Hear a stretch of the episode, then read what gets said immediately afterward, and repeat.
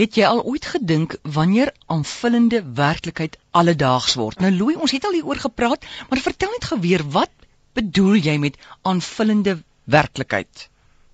Amore, 'n uh, aanvullende werklikheid is wanneer 'n mens rekenaar gegenereerde sensoriese data, met ander woorde data soos klank of video of grafika of 'n globale posisionering, jy weet die GPS data, as jy dit gebruik om die fisiese werklike wêreld waarna jy kyk aan te vul.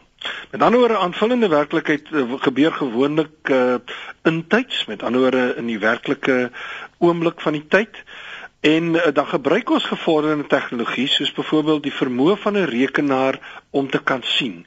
En hy hy kan sien deur middel van 'n kamera natuurlik. En dan ook voorwerperkenning. Die rekenaar is in staat om sekere voorwerpe te herken. En dit uh, maak dan éventueel dat my werklike omgewing interaktief word en dat ek dit ook uh, digitaal kan manipuleer, vra vra dinge daarmee doen. So wat die slimfoon uh, of 'n rekenaar dan ook doen is om dan bo-op die werklike lewe 'n mm. addisionele inligtingslaag te plaas. Met ander woorde name en inligting by sekere voorwerpe te voeg. En dis hoekom ons praat van dis 'n aanvullende werklikheid, aanvullend tot die werklikheid wat ek sien.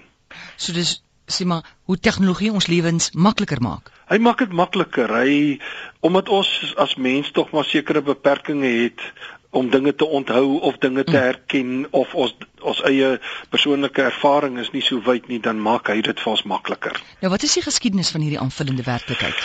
Weet jy baie interessant is dit is kom al 'n hele klompie jare gelede toe die vliegtuigmaatskappy uh, Boeing die eerste begin het met aanvullende werklikheid. En uh, wat hulle gedoen het is hier in die 1990s het hulle ge, uh, dit so gedoen dat hulle 'n klein skermpie gemonteer het uh, sodat mense dit op hulle kop kan dra en dan kan die spesialiste wanneer hulle hierdie geweldig ingewikkelde bedrading van die uh, Boeing vliegtye moet doen, dan uh, word dit vir hulle gewys op hierdie skerm met watter drade en watter kleurdrade hulle besig is. So hy het bokant dit wat jy sien, uh, het hy dan 'n laag met die korrekte benamings en hoe dit moet wees vir hulle aangedui. So dit hulle werk baie baie makliker en meer akkuraat gemaak. En dan in 2009 uh, het dit die eerste keer sy verskyning uh, gemaak in die slimfoonomgewing. En daar was 'n maatskappy met die naam van baie oulike naam Yelp en uh Yelp het 'n funksie by sy toepassing gevoeg wat vir jou so 'n uh, 'n drywende merkers met ander woorde hulle beweeg rond met name en dan hierdie evaluerings van gebruikers om te sê ek hou hiervan of ek hou nie daarvan nie en of wat jy moet sien en nie moet sien nie. En dan ook detail van besighede. Uh dit is alles dan geplaas uh bo op dit wat ek gesien het. As ek nou deur my kamera uh en op my kamera skerm uh, skerm van my van my slimfoon gekyk het uh, dan het ek nou gesien wat is al die goed waarna ek kyk? En hulle het die ding genoem monocle 'n baie interessante naam.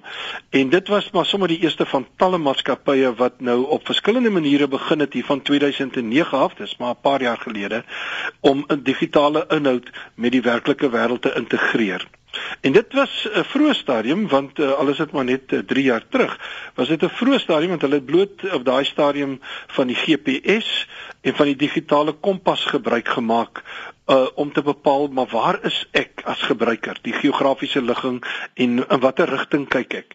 Maar die nuwe toepassers is nou baie meer gevorderd en hulle het begin om rekenaar uh, visie, met ander woorde deur middel van die kamera uh, kan hulle herken waarna kyk want daar's 'n groot database. Waarna kyk hierdie foon op die oomblik of waarna kyk ek wat die foon gebruik? En dan is daar natuurlik nou die kragtige verwerkers waaroor ons al gepraat het deesdae in die slimfone en dit verseker 'n geweldige groter uh, vorm van akkuraatheid wat dit baie interessant maak. So hierdie aanvullende werklikheid is nie meer 'n netjie nie, maar al hoe meer 'n daaglikse gebruiksitem. Uh, Amore beslis nie meer sommer maar net 'n netjie nie. Uh ons sien dit al hoe meer en ons kan nog baie hieroor praat oor waar jy dit oral kry, maar dit is dit is in 'n hele klomp omgewings beskikbaar vir van speletjies tot motorbestuur tot in die mediese wêreld, uh tot in die rangskikking deesdae van jou meubels. Uh maar net waar jy kyk, is dit nou teenwoordig sommer maar in die alledaagse lewe. Baie interessant is dat daar 'n maatskappy is uh, in San Francisco met die naam van Crowd Optic en hulle is nog besig met ontwikkeling. Hulle het nou al programmatuur ontwikkel en hulle is nog besig met toepassings.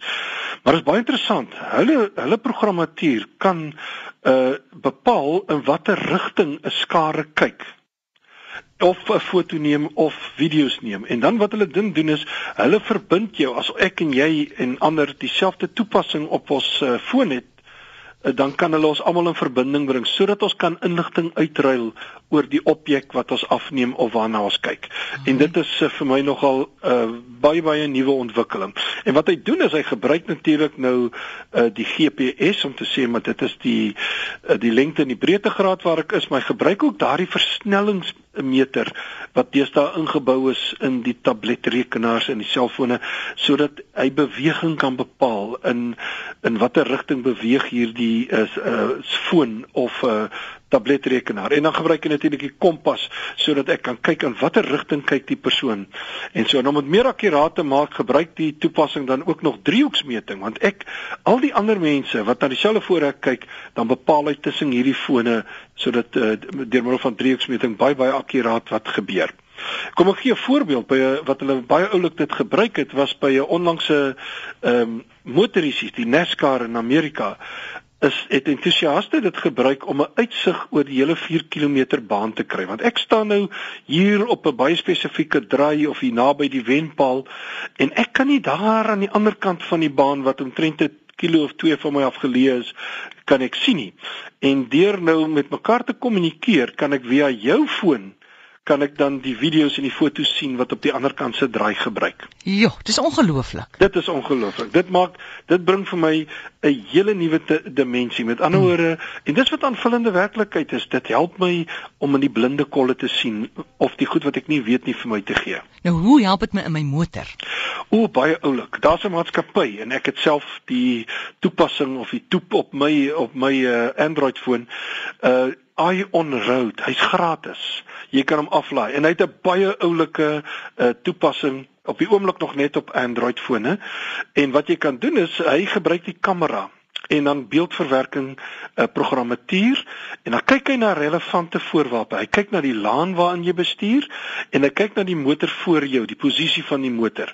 En dan omdat jy 'n GPS in die foon het, dan bepaal hy die spoed wat jy reis en dan sê hy vir jou en hy maak hom so rooi of groen.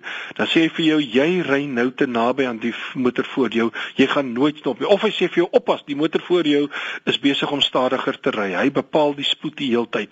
As die gaping te klein word, sê hy dit vir jou. En hy kan ook kyk as jy vak word en jy begin so 'n bietjie dryf oor die laan, ja. dan begin hy ook vir jou waarsku en sê maar jy's besig om sywaarts te dryf in hierdie laan. Ja, dis ongelooflik. Baie baie oulike toepassing, ja. gratis. En dan ek verstaan hierdie aanvullende werklikheid word ook gebruik in dieretuine, museums en besigheid.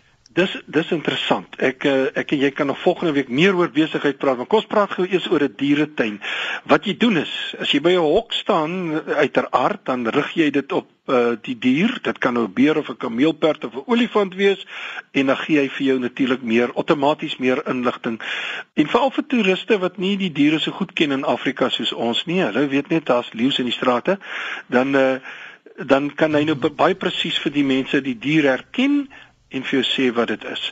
En dan in die uh museum, die Toronto se Royal Ontario Museum, is dit baie oulik. Jy kan 'n iPad gebruik en as jy dit dan op 'n dinosaurus rig, die dinosaurus uitstalling waarvan daar baie groot uitstalling is, dan se wys hy vir jou op 'n 'n video hoe lyk hierdie diere en hoe klink hulle in die werklike lewe. En dan gou-gou by die besigheid, uh IKEA, dis die groot Sweedse meubelvervaardiger, het verlede week het ek gesien hulle 2013 verkoopsgids, uh, ek dink 211 miljoen eksemplare versprei.